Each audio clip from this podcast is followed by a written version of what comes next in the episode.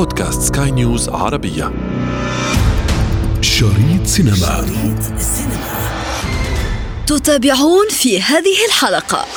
فيلم الافتتاح رائع اللي هو آه، بيتر فون كانت ده فرنسي. Mais on va quand même pas garder ce jeune dans l'immeuble tout le temps.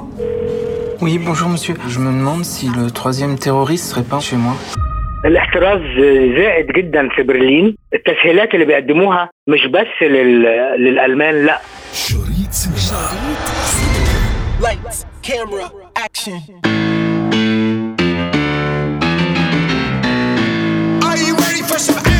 في المهرجانات دائما ما نلاحظ وجود الشعارات والقضايا الإنسانية وغيرها ولكن هذه المرة وتحديدا بمهرجان برلين السينمائي الدولي. هناك قضية تبناها هذا المهرجان ألا وهي نصرة قضية المرأة. المرأة اليوم في عالم السينما. هي رائدة وهي صانعة وهي أيضا نجمة. اليوم مستمعينا الكرام سنناقش تفاصيل كافة الفعاليات التي تقام في مهرجان برلين السينمائي الدولي وذلك بالتحليل والنقاش. معنا ضيف من قلب الحدث. تابعونا واستمعوا إلينا. أنا ابتسام العكريمي وهذه حلقة جديدة من بودكاست شريط سينما. لا تفوتوا الأمر. شريط سينما.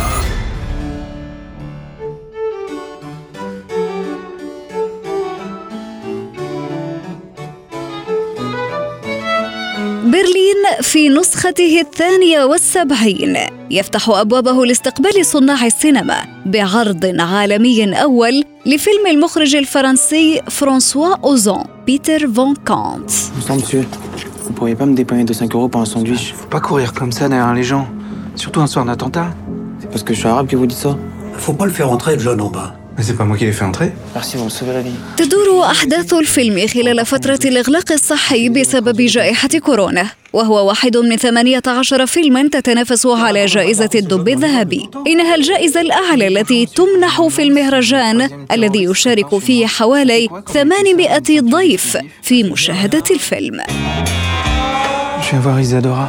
Chambre 205. Ça fait 30 ans qu'on est ensemble avec Isadora. من قلب برلين السينمائي نواكب الحدث مع الناقد الفني طارق الشناوي فيلم الافتتاح رائع اللي هو آه، بيتر فون كانت ده فرنسي البطولة إيزابيل أدجاني طبعا هي فنانة آه، محبوبة جدا في عالمنا العربي. والفيلم في المسابقة يعني هو جرى العرف إنه فيلم ال- الافتتاح غالبا مش مش بالضرورة ولكن غالبا لضمان العدالة لا يشارك في التسابق. لكن من فرط جمال الفيلم سيشارك أيضا في التسابق على الجوائز. الجزء اللي بيميز آه، مهرجان كان آه، إنه المناصرة للمرأة. في ال- المهرجان في المسابقة الرسمية 18 فيلم. منها سبعة بتوقيع آه، نساء. ودي حوالي نسبة 40% وليس العام الأول. الحقيقة في الاعوام العشر الأخيرة ده اللي أنا لاحظته حاجتين. زيادة أفلام المخرجات بتوقيع النساء وزيادة كمان ويمكن دي تبقى رد الفعل أو بناء على زيادة الجوائز. أكتر من امرأة تحصل على الدب الفضي. الدب الفضي هو جائزة أحسن إخراج وأيضا آه، تحصل على الدب الذهبي اللي هو جائزة أفضل فيلم اللي هي بتعني أيضا إنها جائزة للمخرج أو المخرجة. ده جزء مهم. وبرضه لما بقارنه بالمهرجانات الأخرى زي فينيس وكان اللي هي اللي بتبقى في في المرتبة الأولى عالميا أجد إنه نصيب المرأة أوفر. في برلين. يظل السؤال هل برلين بيتعمد يزيد من نصيب المرأة؟ أم المهرجانات الأخرى هي التي تتعمد أن تزيد من نصيب الرجل على حساب المرأة؟ يعني الاتجاهين قائمين. يعني ليه المرأة في برلين واخدة حيز أكبر طيب ما مظاهر هذا الحيز وكبر المساحة الخاصة فيه؟ هل هنالك الكثير من الأفلام التي تتحدث مثلا عن المرأة أو حتى اللي أبطالها نساء أو المخرجات أو النجوم؟ مهرجان يا دوبك افتتح أمس.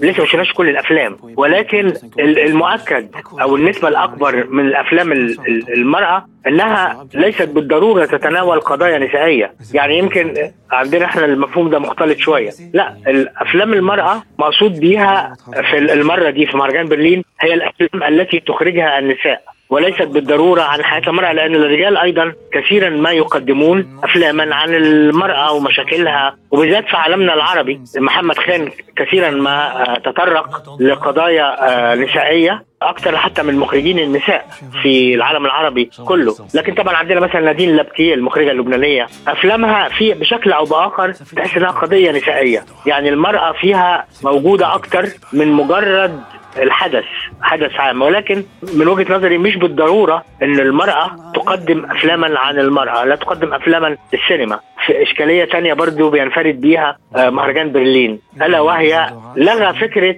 أفضل ممثلة وأفضل ممثل الفصل ده. وبرضه ده بيأكد التوجه النسائي إنه مش عايز المرأة تبقى محطوطة في كاتيجوري معين. الكلام ده طبعا مش موجود من ده من منذ بدايات المسابقات والمهرجانات دايما في عالم في العالم كله مش في عالمنا العربي دايما هناك تخصيص لجوائز نسائية متعلقة بالتمثيل. هناك دائما جائزة أفضل ممثلة بجوار أفضل ممثل أفضل ممثلة مساعدة بجوار أفضل ممثل مساعد. المهرجان برلين في الدورة دي لغى التخصيص ده وقال لا هو أفضل ممثل. الأداء ليس فيه امرأة ورجل يعني أكتر امرأة فنانة في العالم كله حظيت بجوائز الأوسكار وترشيحات الأوسكار والجولدن جلوب هي ميريل ستريب. يعني بقول مين أكتر فنانة. العالم اعترف بأنها متفردة عن الجميع بغض النظر كانوا رجال أم نساء هي ميريل ستريب. بالورقة والقلم لو بعدد المرات التي رشحت فيها أو حصلت فيها على أهم الجوائز اللي هي غالبا بيبقى التوجه لنقول أهم جوائز يبقى الأوسكار. فده بيأكد إن ممكن إن الفصل ملوش معنى لأنك أنت لما بتقول أحسن مخرج بتديها لست أو رجل أستاذ طارق هل في مشاركات عربية في قلب برلين السينمائي؟ في فيلم برازيلي مشتركه فيه العراق وفي أيضا مشاركة في إنتاج فيلم سعودي وفي فيلم مصري لبناني اسمه اشتقت لك بالساعات. معرفش هو بقى اشتقت لك دي تتنطق بالمصري اشتقت إليك ولا اشتقت لك لما نشوف الفيلم الفيلم المخرج مصري اسمه محمد حسن شوقي هيعرض في قسم ال Forum وده قسم مهم مش في المسابقة الرسمية في قسم ال Forum. دي المشاركة العربية. طبعا إحنا تعودنا في مهرجان برلين بيبقى التغطية الإعلامية ضخمة جدا. الدورة دي أنا شايف إنه التغطية الإعلامية قليلة يعني القنوات الفضائية التي شدت الرحال إلى برلين زي ما بيعملوا كده في كان وغيره لا قليل. ما أعرفش بقى بسبب الاحتراز ولا إيه السبب. طيب ما الأمر المثير الذي آه، نود أن نعلم الجمهور الذي يستمع إلينا الآن به في مهرجان برلين؟ إنه المهرجان قدر يقلص زمنه ثلاثة أيام. يعني بعد ما أعلن رسميا أن هو من 10 فبراير ل 20 فبراير أعلن رسميا أن حفل الختام يوم 16 فبراير.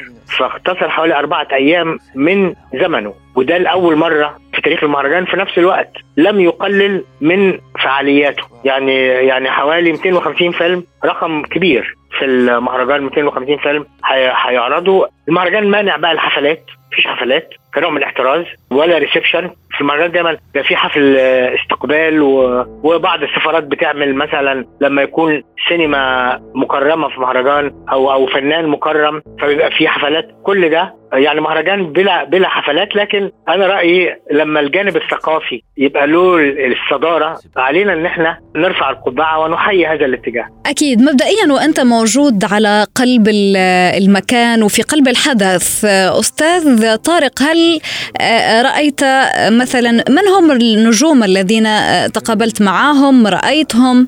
والله أمام حالة الاحتراز دي الدنيا مش مش مدية فرص آه إن الواحد يعمل لقاءات آه منفردة أو يبتدي يبحث لأنه الحاجات دي أساسا بقت الوصول إليها صعب. يعني عايز أقول إنه من مساوئ الاحتراز اللي إحنا كلنا مقدرين أسبابه قطعا آه إنه اللقاءات المباشرة أصبحت نادرة. مش عايز أقول مستحيلة لكن في الحدود الدنيا نادرة الحدوث. شريط Mau.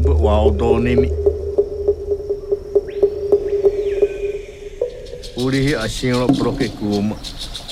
برلين يتحدى كورونا ولكنه أيضا يلتزم بالتدابير الصحية التي كانت ظاهرة في انخفاض سعة المقاعد في دور العرض في برلينالي إلى 50% كما تم أيضا إلغاء جميع الحفلات العادية وتلك الخاصة بالاستقبال. طبعا البرد قارس كالعادة بس مش ده الموضوع. الاحتراز زائد جدا في برلين. التسهيلات اللي بيقدموها مش بس لل...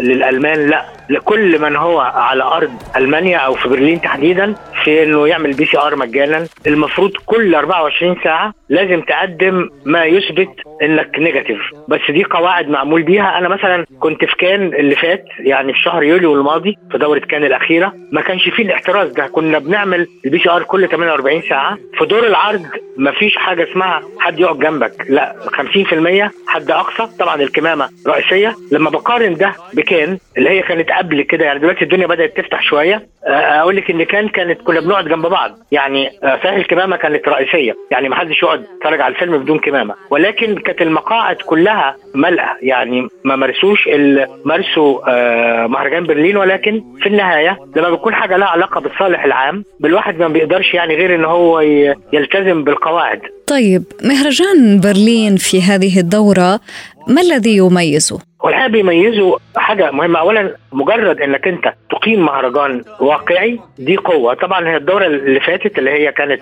في 2021 أقيمت افتراضيا. كنا فبراير الماضي يعني طبعا أكيد. كان في توجه داخل المهرجان وداخل الدولة. أيضا لأن أنت عارف الحاجات دي مش مجرد جهة عايزة تعمل مهرجان لازم في غطاء من الدولة وموافقات. وكان في توجه ما بعدم إقامة الدورة واقعيا تخوفا من المتحور آه ميكرون. ولكن انتصر الصوت اللي قال لك نقيم الدورة وفي نفس الوقت نز- نزود آه معدل الاحتراز. وأنا بتصور إن هو صوت عاقل جدا لأنه الفيروس كده بينتصر علينا. يعني إذا إحنا استسلمنا إن في فيروس وفيروس بيمنعنا من الحياة مش هنعرف نعيش شريط سينما.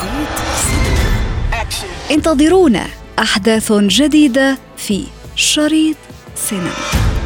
شريط سينما. شريط سينما.